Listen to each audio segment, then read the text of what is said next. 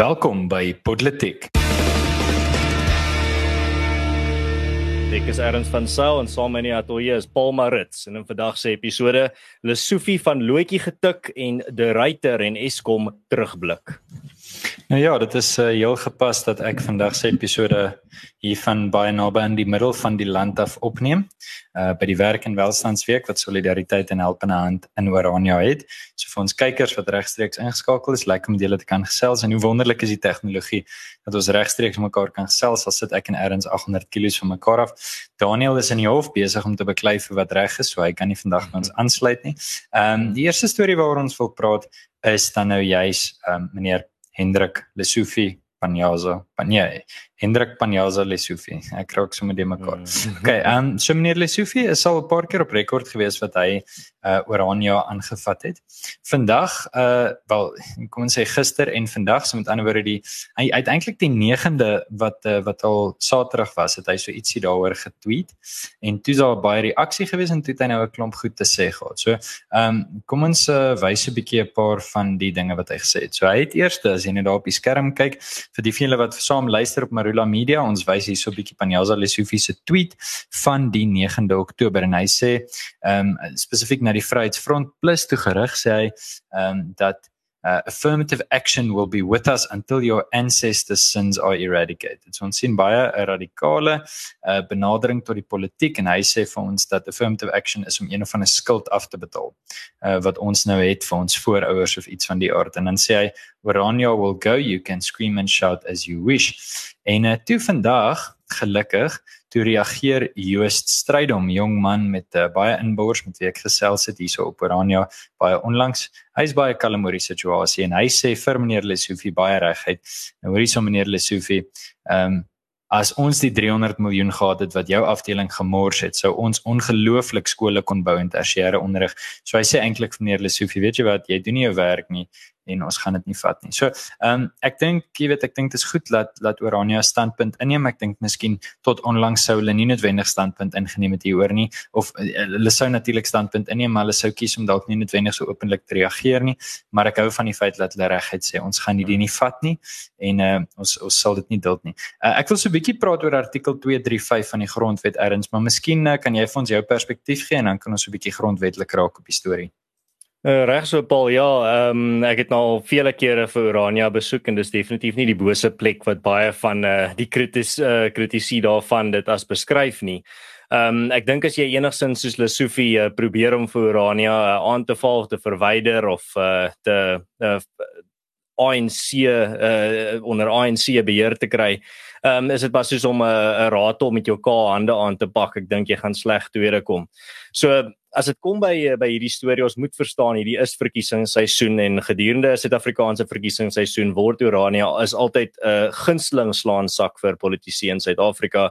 Ehm um, dit is die binne die Suid-Afrikaanse narratief die uh, die prentjie van die die absolute boosheid. Uh, so hulle gebruik altyd daarvan. Die Sofie is nogal veral baie uh, hou baie daarvan om die om vir Urania te gebruik as sy slaansak.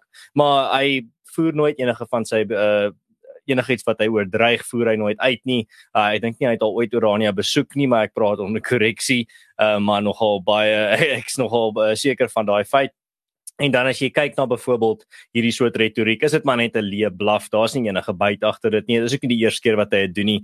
So ek dink Urania is definitief glad nie bekommerd oor hierdie soort uitsprake vanaf die ANC nie, want hulle is baie baie seker oor hulle toekoms, maar dan en hulle is ook baie seker oor hoe die ANC eintlik maar net alles blaf is met geen byt nie. Maar dan terselfdertyd moet jy ook die vraag vra. Ek dink hier's 'n dieper vraag ook wat diegene wat geplaas deur uh, deur Urania 'n vraag wat hulle vir hulle self kan vra, 'n bietjie introspeksie en dit is die vraag dat hoekom 'n klein dorpie in die middel van die Karoo in die middel van die woestyn met um, net net 2000 uh, inwoners. Hoekom pla hierdie dorpie vir jou so baie? Hoekom gee dit vir jou slapelose nagte? 'n Dorpie wat as ek vir jou sê gee vir jou 1000 rand as jy jou vinger daarop kan sit op die landskaart. Uh, hulle dit nie sou kan doen binne 'n 250 km radius nie. Ehm um, dit is miskien 'n soort vraag wat hierdie soort persone vir hulle self moet vra. So hoekom hierdie klein dorpie vir hulle 'n uh, absolute nagmerries gee en uh, hoekom hulle heeltyd nagmerries het oor boere onder die bed? So maar dit is dit is meer 'n vraag vir vir hierdie soort mense. Maar as dit kom by Urania, ek ondersteun absoluut hulle bestaansreg. Ek dink hulle hulle eintlik ook een van die redes hoekom die ANC glad nie van Urania hou nie. Is ook die feit dat hulle wys wat reg gekry kan word sonder 'n uh, regeringsinmenging, wat reg gekry kan word deur 'n selfdoen mentaliteit, nie 'n bakkant staan mentaliteit nie. En ek dink dit is iets wat regtig uh, mure in die onderbroek van enige ANC kader is. Ja, nee, Erns, ek dink jy vat dit mooi vas. Mure in die onderbroek. Ek dink uh, jy weet ek ek ek, ek klippie in jou skoen is die, is 'n uitge, uitgeleefde uitdrukking hier op politiek ons praat van mure in jou onderbroek. Uh, ek lewer gou 'n kommentaar op die groep met artikel 235. Nou artikel 235 van die Suid-Afrikaanse Grondwet sê, ehm um, die Suid-Afrikaanse uh, bevolking as geheel se reg op selfbeskikking, soos in hierdie grondwet vergestel, belet nie binne die raamwerk van hierdie reg die erkenning nie van die konsep van die reg van enige gemeenskap wat 'n gemeenskaplike kultuur en taalerfenis deel op die selfbeskikking binne 'n territoriale entiteit in die republiek of op enige ander wyse soos deur nasionale wetgewing bepaal. Goed, so daaroor het jy dit. Dit is wat artikel 235 sê. So baie mense sê baie keer, okay, artikel 235 is ontsettend belangrik vir die idee van Orania. Dis natuurlik vir vir enige gemeenskap, maar hier is dit baie spesifiek, gemeenskaplike kultuur en taal erfenis. Nou die Afrikaners sien homself as 'n bepaalde kultuurgroep en dis heeltemal regverdig. So hoef dit nie aan enigiemand te verdedig nie. Ons is 'n kultuurgroep. Ons het 'n baie bepaalde taal erfenis, 'n taal wat terloops en hieroor praat ons baie by politiek, maar taal wat aktief aangeval word onthou, daar's op hierdie stadium is Leon Schreiber van die DA baie besig daarmee, Frederik van Dijk van Studenteplein is baie besig daarmee, maar die Blydense Monday se beleidsdokument erken nie Afrikaans as 'n inheemse taal nie. So volgens hom is Afrikaans nêrens inheems nie. So nie net is dit 'n taal en kultuurgemeenskap nie, dis 'n taal en kultuurgemeenskap wat ontken word en wat uitgedruk word.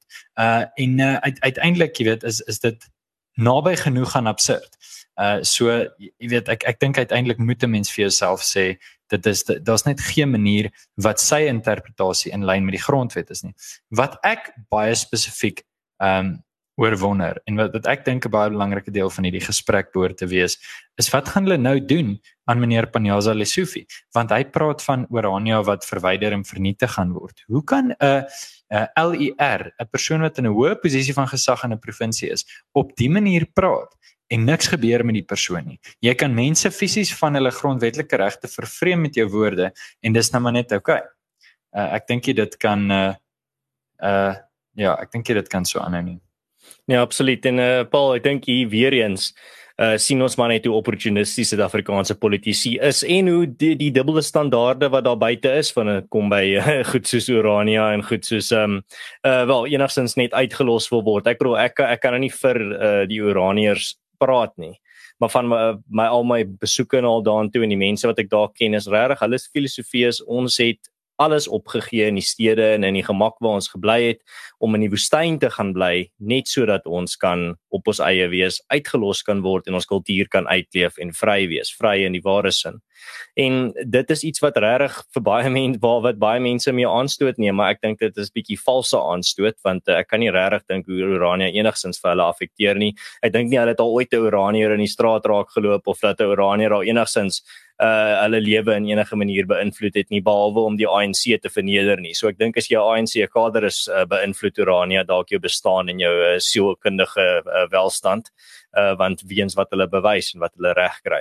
So uh, vir my is hierdie storie maar net weer weer eens soos ek sê dit is nie verbasend nie dit is verkiesingsseisoen hierdie goed kom maar so op 'n jaarlikse basis amper partykeer as die ANC 'n bietjie onder druk is en hulle soek bietjie van daar's nie 'n een of van 'n rasse kwessie wat hulle aan kan gebruik om mense se aandag af te trek nie dan uh, stof hulle maar altyd maar die Urania uh, hoek af en gebruik dit en dis gewoonlik deur meneer Lesufi.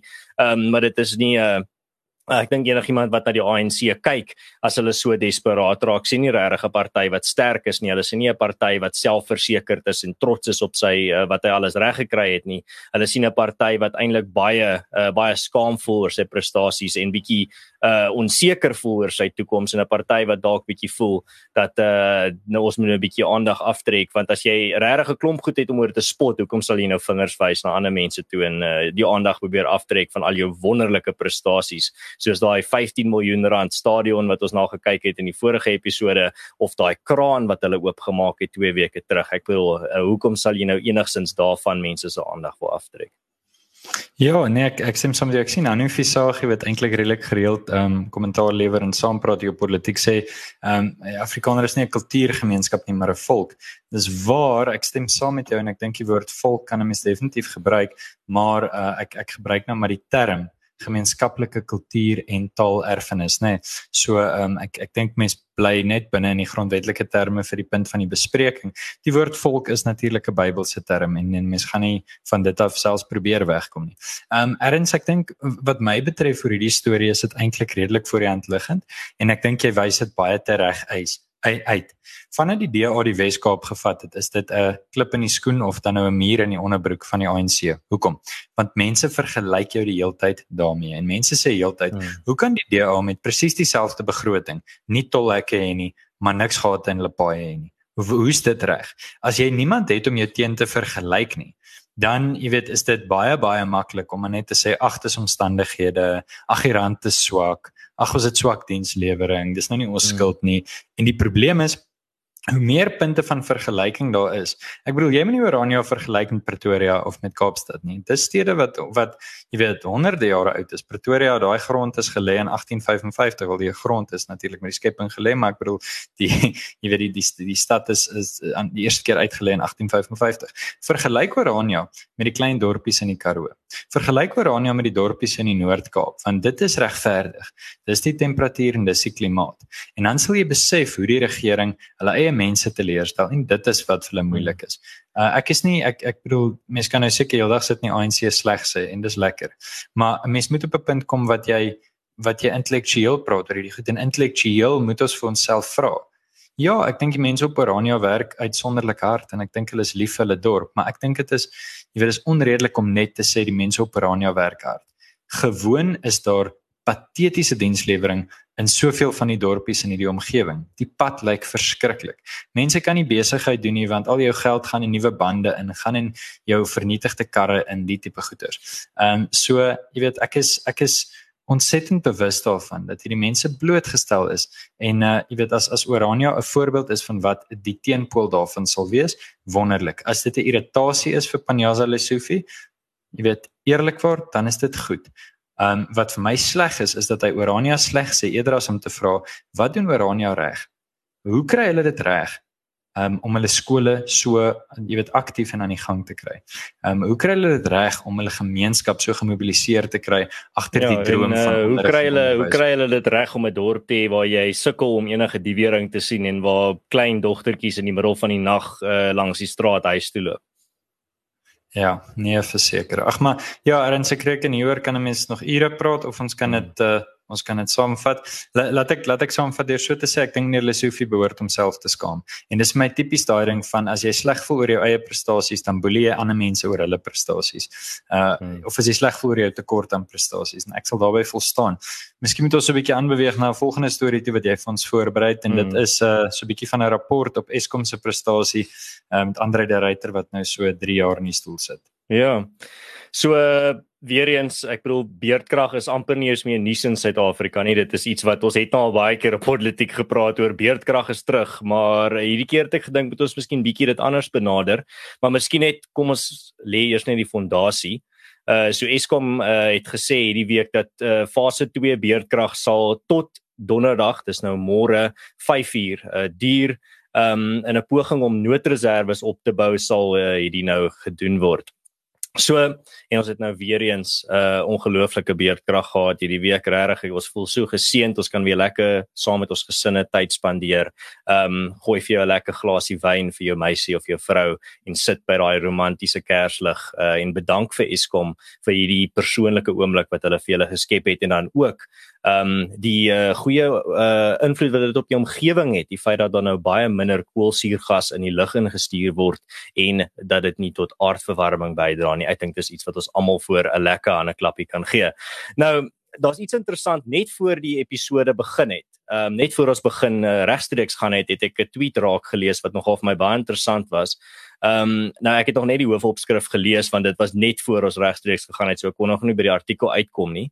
Maar die die beskrywing daarvan is dat dis 'n aanhaling deur Andre de Ruyter, uh, die die hoof van Eskom wat gesê het dat uh, Eskom beplan om 'n uh, beerdkrag teen donderdag 'n eind tot 'n einde te bring sodat ons 'n verkiesingsseisoen kan hê sonder meer uh krag wat uh, uh kragonderbrekings. Nou dit is 'n baie interessante ding wat hy daar sê.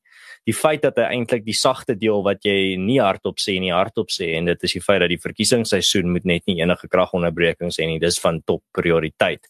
Nou dit is hoekom ek uh, wel dit dit sluit aan by uh, wat ek vandag wil bespreek het en dit is iets wat ons in die verlede ook oor gepraat het op politiek en dit is uh, Andre de Ruyter. Nou ehm um, toe hy aangestel was, was dit nogal 'n groot skok vir uh, nie vir uh, vir baie duidelike redes En toe het politiek nogal gesels oor wat dink ons uh, hou die toekoms nou vir Eskom. Ek dink as ek reg onthou, was ons nie ongelooflik positief nie. Ons was maar lou warm op die aanstelling aangesien die ryter nou nie 'n 'n glansrekord agter hom gehad het nie. Dit was uh, 'n uh, middelmatige rekord.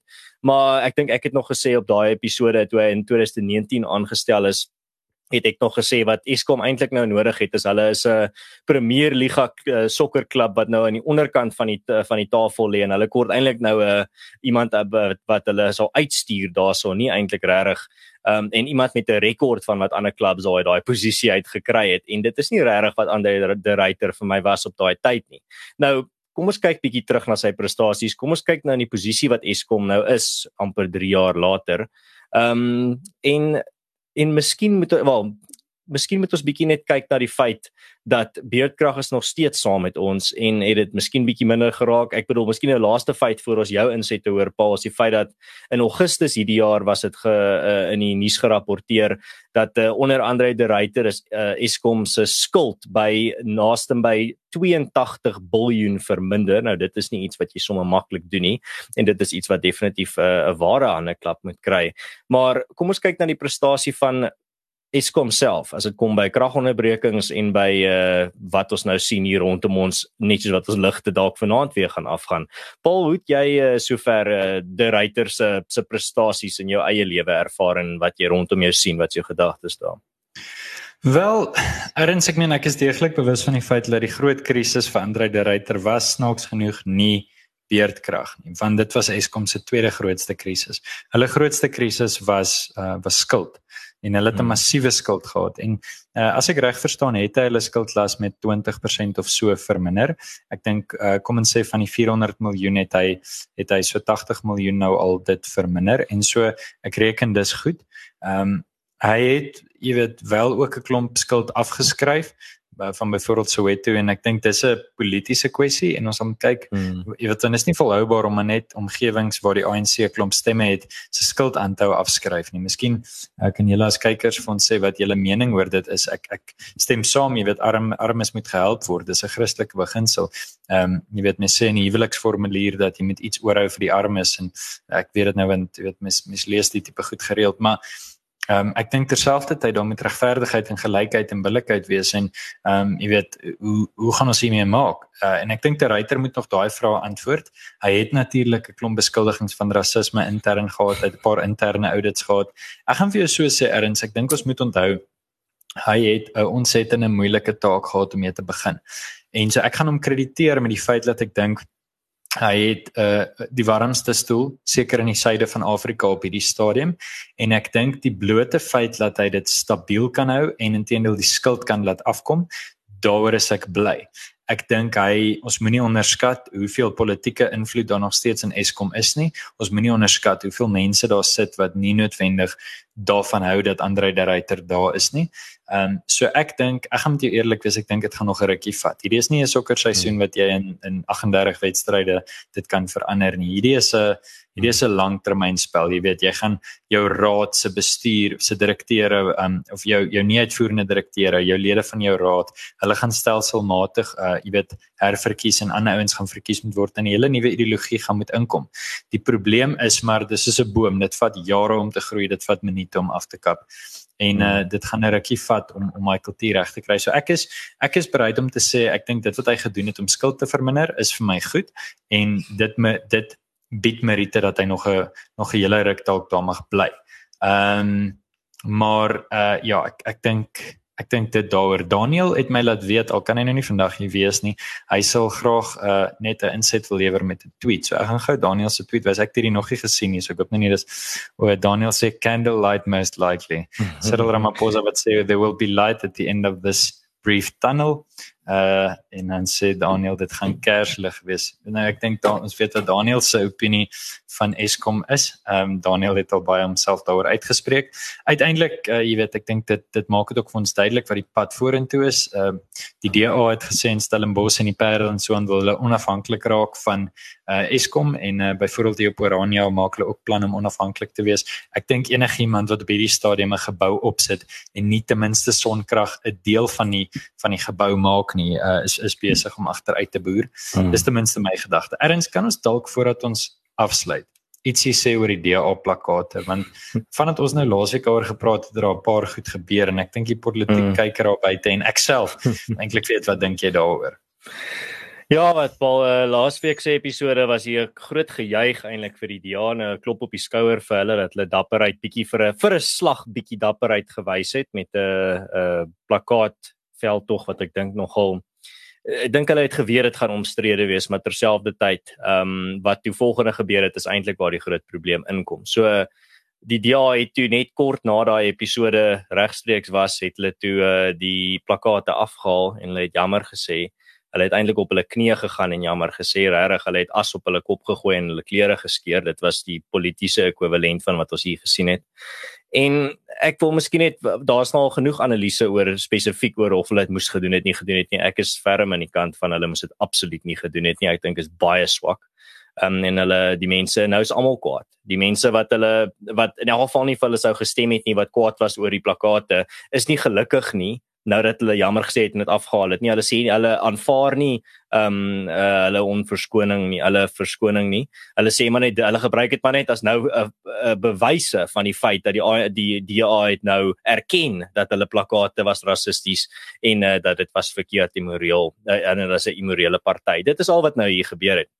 So uh, as dit kom by hierdie storie, daar's net een ding wat ek dink baie en nou en nou dit het afgehaal het natuurlik is almal wat hulle ondersteun het kwaad, nie net vir die feit dat hulle uh nou nie lyk like of hulle by hulle beginsels en hulle aksies staan nie, maar ook almal wat opgestaan het vir hulle en vir hulle verdedig het in die publieke dom domein het hulle nou onder die bus gegooi en verneder. Ehm um, maar daar's iets anders hierson, dis iets wat mense nie genoeg na nog nie genoeg uitgewys het nie die nou baie van die DA se ondersteuners en selfs van die mense binne in die DA uh het gesê dat wel uh ten minste uh het hulle kon hulle jammer sê ten minste is hulle groot genoeg om jammer te sê. Van die analiste het ook gesê um waar party mense het ook gesê dalk het hulle beplan uh, al die al die tyd hulle wou die Streisand effek gehad het van uh dit versprei deur die omstredenheid daarvan. Die ding wat net hier inkom en dit beteken is 'n groot sukses die groot ding hierso wat wat mense moet verstaan is dat Suid-Afrikaanse politiek gaan nie net oor materialisties, dit kan nie net op materialistiese maniere gemeet word nie. Mense gee om dat hulle goeie dienslewering kry natuurlik. Maar terselfdertyd is baie groepe in Suid-Afrika, veral minderheidsgroepe, word elke dag deur mense aangeval en gesê en mense wat probeer om verskonings uit hulle uit te tap, mense wat probeer om skuldgevoelens by hulle aan te wakker en mense wat probeer om hulle te laat verneder en hulle soos ek vroeër gesê het in die strate te loop en hulle klere te skeer en as op hulle kop te gooi. Elke dag word minderhede in Suid-Afrika deur hierdie soort aaklige mense gekonfronteer. En al wat hulle soek uit hulle leiers uit, is leiers wat dan opstaan teen hierdie uh teen hierdie bose mense en nie dan terugstaan nie. Mense wat opstaan vir wie hulle is, wat trots is op hulle standpunte en hulle beginsels en wat dan nie as daar 'n paar mense op Twitter kwaad is vir hulle dan terugstaan en sê o ons is so jammer, ons is so jammer nie. Dit is iets wat Suid-Afrikaners desperaat is voor. Is leiers wat staan by hulle aksies en breëbors daar staan en sê ons gaan nie hier voor jammer sê nie want ons is reg om maak nie saak al is die hele wêreld teen ons nie solank as wat ons in ons gewete weet ons is reg gaan ons nie jammer sê voor of dit terugtrek wat ons gesê het of gedoen het nie. Ongelukkig het die DA nou dit presies die teenoorgestelde gedoen en dit is waar baie van hierdie uh hierdie woede vandaan kom. So uh, ek is ook bietjie teleurgesteld en ontsteld eintlik in baie van die mense wat naby aan die DA is of ondersteuners van die DA is of binne in die DA is wat die emosies en die reaksie van baie van die mense wat nou teleurgesteld is in hulle net afskryf as ag julle is nou net emosioneel en julle dink nie aan die die groter prentjie nie. Julle is maar net nou besig om soos 'n klomp kinders 'n tantrum te gooi. Dis nie waar nie en julle is besig om hierdie mense te om af te kyk op hulle. Wat hier aan die gang is is mense wat verwag dat hulle leiers vir hulle opstaan en dat hulle leiers dapperheid wys. As daai dapperheid en daai opstaan vir wat reg is nie kan gebeur nie. As as jy nie eens kan opstaan in die publiek vir 'n plakkaat nie, hoe gaan jy opstaan vir my reg of my my reg tot privaat eiendomsreg wanneer die ANC dit wil wegvat? Dit is mhm. waarvoor mense kwaad is, dis waarvoor mense ontsteld is en die DA moet ophou met hierdie goed van ag, julle verstaan net nie die groter prentjie nie. Dis nie waar nie. Julle moet gaan luister na die mense wat vir julle stem en die mense wat julle ondersteun. Julle moet probeer verstaan waar hierdie woede woede en hierdie teleurstelling vandaan kom, want dit kom uit 'n ware plek uit. Dis nie net mense wat probeer om die DA nou sleg te sê, mense wat in elk geval nie vir hulle sou gestem het nie. Dit is mense wat regtig desperaat voel en desperaat is vir mense met bietjie van 'n ruggraat en dit is waar dit vandaan kom en DA moet 'n bietjie introspeksie gaan doen want daar is 'n rede hoekom mense so gereageer het soos wat hulle het. Ek praat nie van die mense wat gereageer het op die plakkate nie, maar meer die reaksie op die plakkate wat afgehaal is. Dit is nie net 'n klein dingetjie wat gebeur het nie. In die groter hulle hou van die woord die groter prentjie. In die groter prentjie is dit iets wat definitief aan aandag gegee moet word want daar is iets daarso wat jy moet na kyk en dit is my raad ja. aan die DA vandag. So ek ek hoor jou en ek ek is ook ek ek dink ek dink die DA was baie sprissie mee bedoelende ek ek is ek ek dink hulle 'n klein deeltjie van hulle het vermoedelik gaan hierdie plakate moet afhaal en jy weet goed hulle het 'n paar mense kwaad gemaak. Ek dink hulle was baie lank in die media siklus en dalk is daar nie iets so slegte publisiteit nie. My gevoel is dat daar tog 'n paar mense gaan voel hoor jy hulle het hulle nek uitgesteek. En uh al het al moes hulle terugkrabbel, hulle het nog steeds hulle nek uitgesteek. So dit dit kan wees dat 'n paar mense kan saamstem, maar daar is 'n paar mense wat definitief gaan voel hoorie, maar julle staan op vir iets en dan staan julle nie regtig op vir iets nie. Ek wil wel so 'n bietjie na die einde van die episode toe net kyk na een tema wat al drie hierdie goeters vir my saamvat. En dit is die gedagte van eenheid wat die heeltyd die hamer word waarmee ons oor die kop geslaan word. Lesufi sê vir ons, julle kan nie Orania hê nie want dit veg teen eenheid, gees van eenheid. OK, goed en uh wet 53 van 2003 wat swart ekonomiese bemagtiging uh implementeer. Wat doen dit vir eenheid? Ehm um, okay, goed, jy weet so, um, dan praat ons oor beerdkrag. So nee, jy kan nie vir jou eksamen leer soos in my geval met elektrisiteit nie. Ons gaan daai krag hou sodat ons ons verkiesings kan doen met met ligte aan. Ehm um, want dit gaan oor die ANC. Wat doen dit vir inklusiwiteit? Ehm um, kom ons praat oor die DA se plakate. Hulle word, jy weet, van die ANC se kant af gekap, nee, maar hulle verdeel mense. Hulle is verdelend van aard. OK? En as Jacob Zuma sing, bring vir my my masjien geweer. As Cyril Ramaphosa sê wit mense se skuld gaan nooit afbetaal wees nie. Wat doen dit vir verdeling? Hmm. En so ek dink hoe gouer ons besef dat hierdie idee van eenheid 'n hamer geword het en 'n goedkoop sweep geword het om ons mee te oor die kop te slaan wanneer dit pas en dan word eenheid weer by die deur uitgegooi wanneer dit nie pas nie. Dit moet ophou. Ek is moeg daarvoor dat mense vir my praat oor eenheid. Ek is meer as bereid om, jy weet, 'n Suid-Afrikaanse burger te wees in tye wat ek moet wees. Ek is meer as bereid om om te gee vir my omgewing, dit op te bou, my belasting te betaal, nie 'n slegte mens te wees in sover dit moontlik is nie. Maar moenie vir my sê dat ek met kulturele eenheid hê as daar 'n verskeidenheid kulture is nie, as daar 'n verskeidenheid volke is nie. Ehm um, moenie dit doen nie. Dit is dis absurd. Ek gaan nie jy weet ek ek gaan nie op 'n punt wees wat eenheid nou die hamer word waarmee ek oor die kop geslaan word elke keer wanneer ek wil opstaan vir iets wat nie noodwendig vir almal relevant is nie. Die hele punt van 'n reënboog in 'n reënboognasie, nee, dit daai's 'n absolute uitgeleefde en 'n baie foutiewe metafoor vir om, om ons land mee te beskryf. Maar as 'n mens regtig so toegewyd was aan hierdie idee van die reënboog, dan moet jy sekerlik toegee dat 'n reënboog verskillende kleure het wat elkeen sy eie unieke profiel het, wat elkeen sy eie unieke eienskappe het. En as jy dit nie kan kan erken nie, dan uh dan is jy besig om absurd te wees. Mm. Ja, erns dit is al wat ek daaroor te sê het en ek dink dit is al wat ek vir vandag te sê het. Nee wat eh uh, Paul dit maak baie sin daai en miskien net 'n kort gedagte voor ons tot sien sê. Ehm um, ek dink in vandag se tyd uh, is daar te wel ek kan nie hoeveelheid mense wat beginsel vas is op my twee hande tel wat ek al in my lewe die voorreg gehad het om te ontmoet. En ek dink mense is so honger vir daai nie net leiers nie, maar om mense te sien wat ruggraat het, mense wat beginsel vas is, mense wat wat sê wat wel dis soos daai dis soos daai uh, gedig van ehm um, uh, C.E. Langehoven. Miskien moet ek daarmee eindig dan kan ons tot sien sê. Uh van gee my 'n man.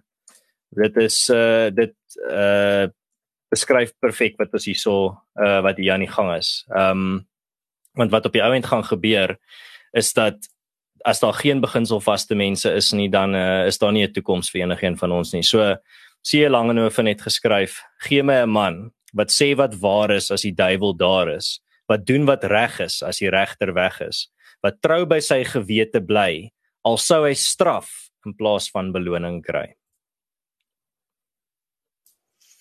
Nou ja, uh dink erns mens sou dit nie beter as dit kon sê nie. Ehm um, nou ja, soos politiek wat minder as 1000 volgers het, is hierdie episode vir eers verby. As jy hou van wat ons doen, subscribe deur die subscribe knoppie te druk en jy's ook welkom om op die klokkie te druk sodat jy kan weet wanneer ons regstreeks gaan. Jy kan ook op ons Telegram kanaal kyk na wat ons doen en ondersteun politiek gerus deur besighede te ondersteun wat op politiek bemark. Tot volgende keer.